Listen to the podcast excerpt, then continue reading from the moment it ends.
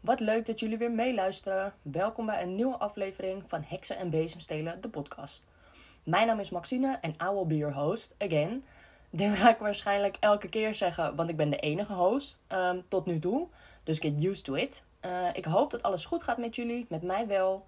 Super bedankt voor alle reacties op de vorige podcast. Ik kreeg allemaal leuke en lieve feedback van iedereen. En het werkte super motiverend. En dat deed mijn heksenhart heel veel goeds. Dus bedankt daarvoor. Uh, aan alle nieuwe luisteraars, welkom. In deze podcast bespreek ik alles wat te maken heeft met heksen en hekserij. Van bekende heksen tot historie en van spreuken en orakels tot padden en zwarte katten. Dus parkeer je bezemsteel en zet je heksenketel op laag vuur. Dan gaan we beginnen met de podcast van vandaag. Deze keer ga ik vertellen over een Slavische volkslegende, Baba Yaga. Eén, omdat ik het een super vet verhaal vind. Ik was al een beetje bekend met haar. Maar twee, ook omdat er best wat mensen op dit onderwerp hadden gestemd via de Instagram.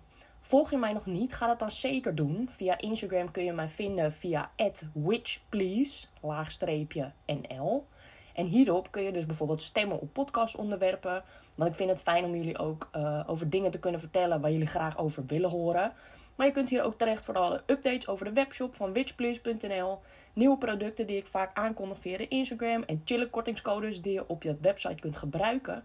Maar ook uh, aankondigingen over beurzen waar je mij kunt vinden. En heel soms kun je zelfs meespelen met een bepaalde loterij die ik eens in de zoveel tijd hou. Waar je super gave heksengoodies kunt winnen. Dus volg mij alsjeblieft allemaal op Instagram. Dan kan ik zorgen dat ik jullie de leukste en meest witchy podcast kan bezorgen.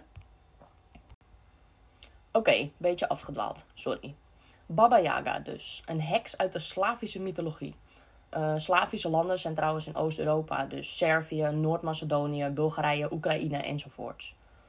Baba Yaga wordt omschreven als een wilde vrouw. Ze woont in de bossen, is een donkere dame en meesteres der magie en het hoofd van de scharengeesten, oftewel de geesten die in het bos ronddwalen.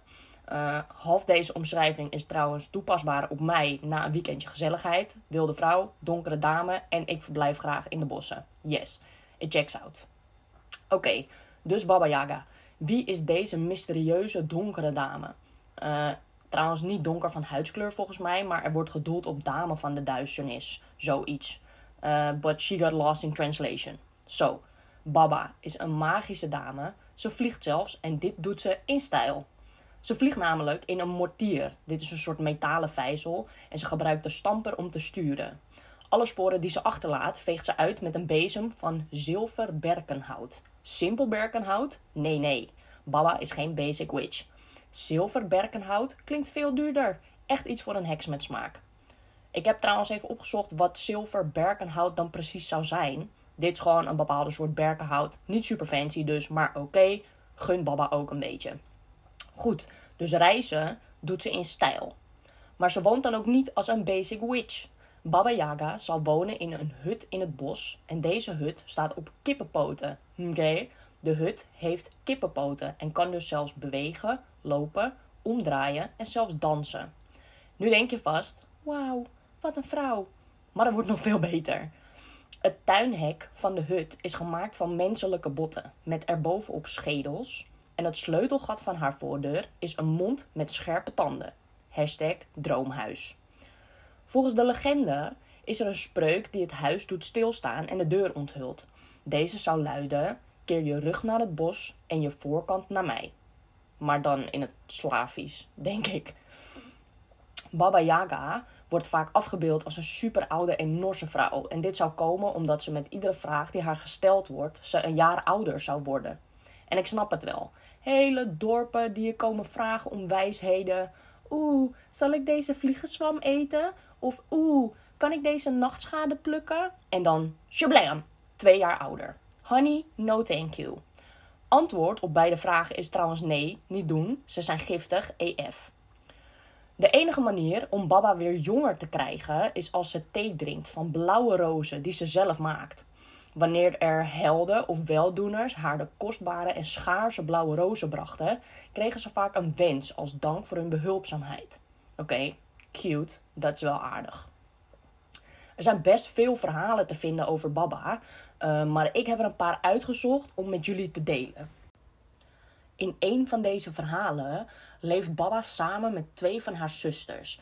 Die raar genoeg allemaal dezelfde naam dragen. Waarschijnlijk omdat ze in dit verhaal onderdeel uitmaken van een drie-eenheid. Die staat voor maagd, moeder en oude vrouw. Hierin represent Baba behoud de dood en wedergeboorte. Als een van de zusters wordt gedood door zwaard of vuur, besprenkelen de andere haar met water van de dood, wat haar wonden doet genezen. Omdat Baba de hoedster of de bewaardster van het water van het leven en de dood is, houden zij zo met z'n drieën het leven in stand. Zoals deze verhalen zijn er heel veel, waarin Baba vaak een levensles weerspiegelt of synoniem staat voor bepaalde aspecten die wij meemaken als mens in ons leven. De verhalen werden dus vaak gedeeld als les of als advies. En dit zorgde voor best een grote bekendheid onder de Slavische bevolking. Dit beeld verandert echter nogal wanneer de kerk een hoge hand krijgt in Europa. Baba heeft ineens een bezem en een zwarte kat en ze wordt ineens gelinkt aan de duivel.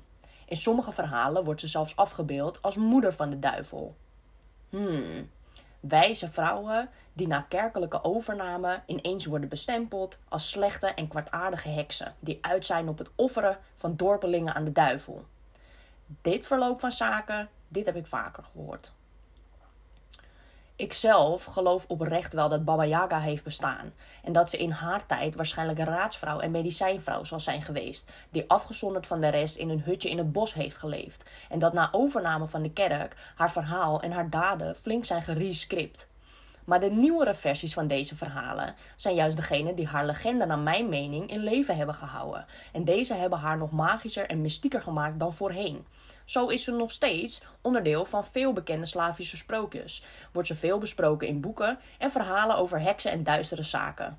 En ze is tof genoeg onderdeel van enkele manga en anime. Zo vertelt een van de bekendste sprookjes over een meisje, Vasilisa, die naar Baba Yaga wordt gestuurd met een boodschap voor haar. Maar Baba houdt haar gevangen en maakt Vasilisa tot haar slavin. De dienaren van Baba Yaga, een kat, een hond, een poort en een boom, rare combi van sidekicks, maar oké, helpen het meisje te ontsnappen. Omdat zij ze vriendelijkheid, moed en eerlijkheid had getoond. En als straf toveren ze Baba tijdelijk om tot kraai. Punishment fits the crime, denk ik maar. Maar het is alsnog een les verwikkeld in een verhaal, waardoor ik heel blij ben dat dit soort verhalen zijn behouden. Het laatste verhaal wat ik met jullie wil delen gaat over een jongen, zijn mus en zijn kat. Het is blijkbaar algemeen bekend dat Baba Yaga gewoon in je huis inbreekt als ze daar zin in heeft. De mus en de kat hadden de jongen hier al voor gewaarschuwd. Dat als ze zou komen, de jongen geen geluid mocht maken en haar haar gang moest laten gaan. De dieren zelf zoeken vlucht in het bos en de jongen verstopt zich.